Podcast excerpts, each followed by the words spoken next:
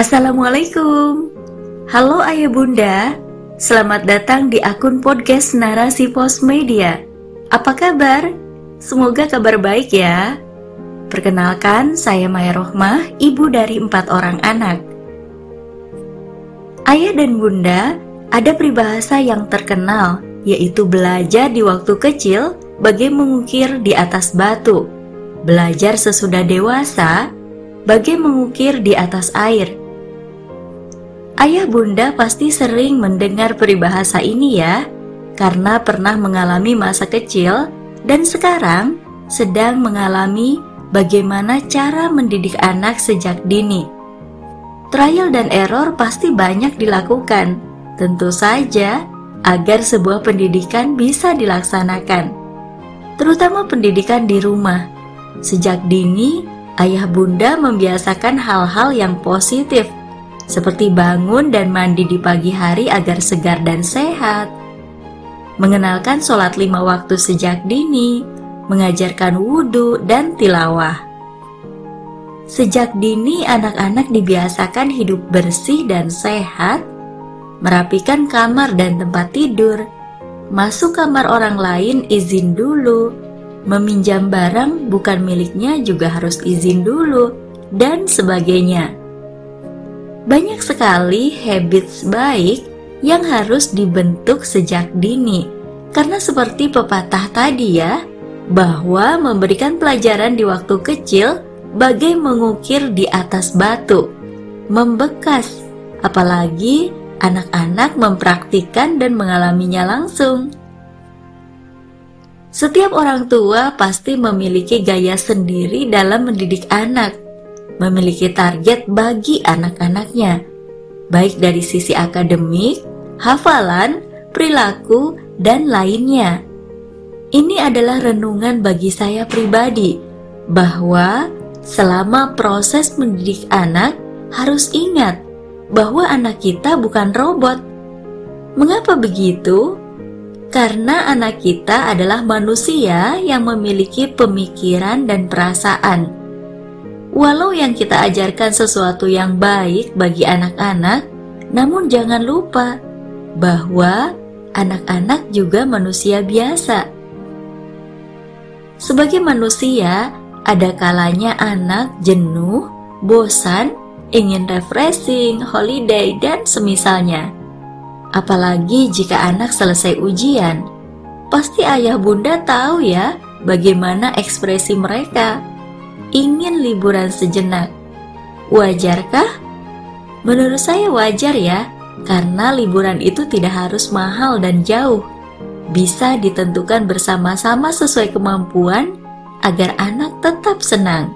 Namun, tidak membiasakan berlibur yang mahal sampai memaksa pada ayah bunda ya.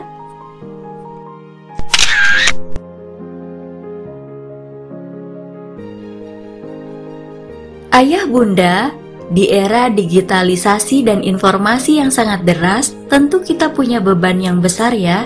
Bagaimana caranya anak kita tetap bisa mengikuti perkembangan zaman, tapi tidak terbawa derasnya arus?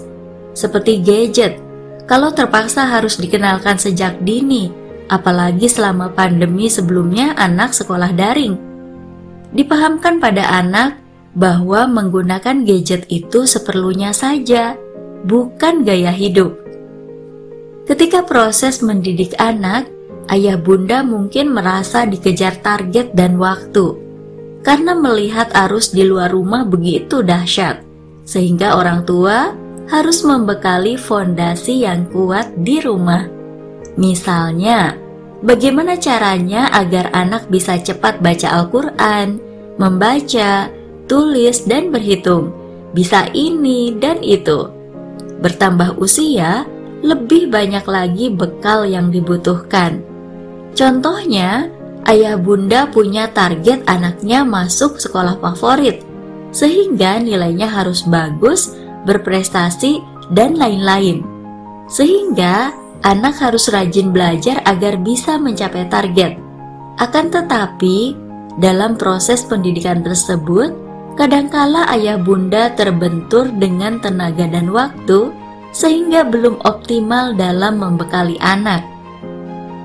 Perlu diingat, meskipun anak kita enjoy dengan semua aktivitas belajar di rumah atau di sekolah, tetap anak diajak ngobrol dan sharing, merasa tertekan atau tidak.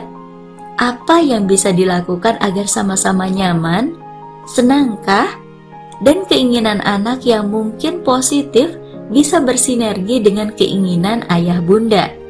Jangan sampai orang tua memperlakukan anak seperti robot. Bagaimana gambaran seperti robot? Misal, pokoknya anak saya harus rajin belajar, tidak ada waktu untuk refreshing dan main, karena targetnya masih jauh untuk bisa masuk ke sekolah favorit. Pokoknya, anak saya harus begini dan begitu, tidak ada tawar-menawar, karena ini untuk masa depan mereka terobsesi oleh keinginan orang tua atau anak orang lain yang sukses tanpa melihat bahwa setiap anak memiliki kekurangan dan kelebihannya masing-masing. Anak, bagaimanapun sifatnya, tetaplah seorang anak. Kadang, sebagai orang tua, kita lupa bahwa anak juga manusia yang pasti punya potensi melakukan kesalahan. Sama seperti kita dalam mendidik, ada kalanya pernah melakukan kesalahan. Saat kita salah, berharap anak memaafkan. Begitupun sebaliknya, ketika anak salah, sudah seharusnya kita memaafkan, walau kadang hati jengkel luar biasa ya. Justru di sanalah ada warna-warni dan seni dalam mendidik anak. Ibarat jalan, tak semua mulus seperti jalan tol. Ayah dan bunda, saya pun masih terus belajar dalam mendidik anak, karena belajar itu seumur hidup. Bertarget tetap diperlukan agar saling memicu semangat dan motivasi, baik bagi anak ataupun orang tua. Namun, tetap memperhatikan sisi-sisi manusiawi dan romantika kehidupan dalam mendidik anak menikmati dan menjalani indahnya mendidik anak, serta lika-liku yang ada. Jangan posisikan anak kita seperti robot tanpa memperhatikan sisi manusiawi dan sifat kekanakannya. Allah pilih kita untuk menjadi ayah bunda, berarti Allah percaya dan insya Allah kita bisa dalam mendidik anak. Karena sejatinya Allah lah yang memampukan kita. Terus belajar dan belajar mencontoh cara baginda Nabi Shallallahu Alaihi Wasallam dan para ulama dalam mendidik anak. Rasulullah Shallallahu Alaihi Wasallam bersabda, tiada suatu pemberian yang lebih utama dari orang tua kepada anaknya selain pendidikan yang baik. Hadis riwayat Al Hakim.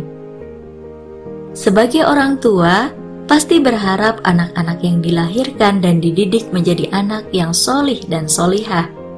Karena ketika kita tak lagi di dunia, merekalah harapan kita lewat doa-doa yang mereka panjatkan untuk kita. Saya teringat sabda Rasulullah Shallallahu Alaihi Wasallam. Ketika seseorang meninggal, tindakannya tidak akan dilanjutkan kecuali dengan tiga hal, yaitu sedekah, pengetahuan bermanfaat, dan seorang anak solih yang berdoa untuknya. Hadis riwayat Abu Dawud. Allahu alam bisawab.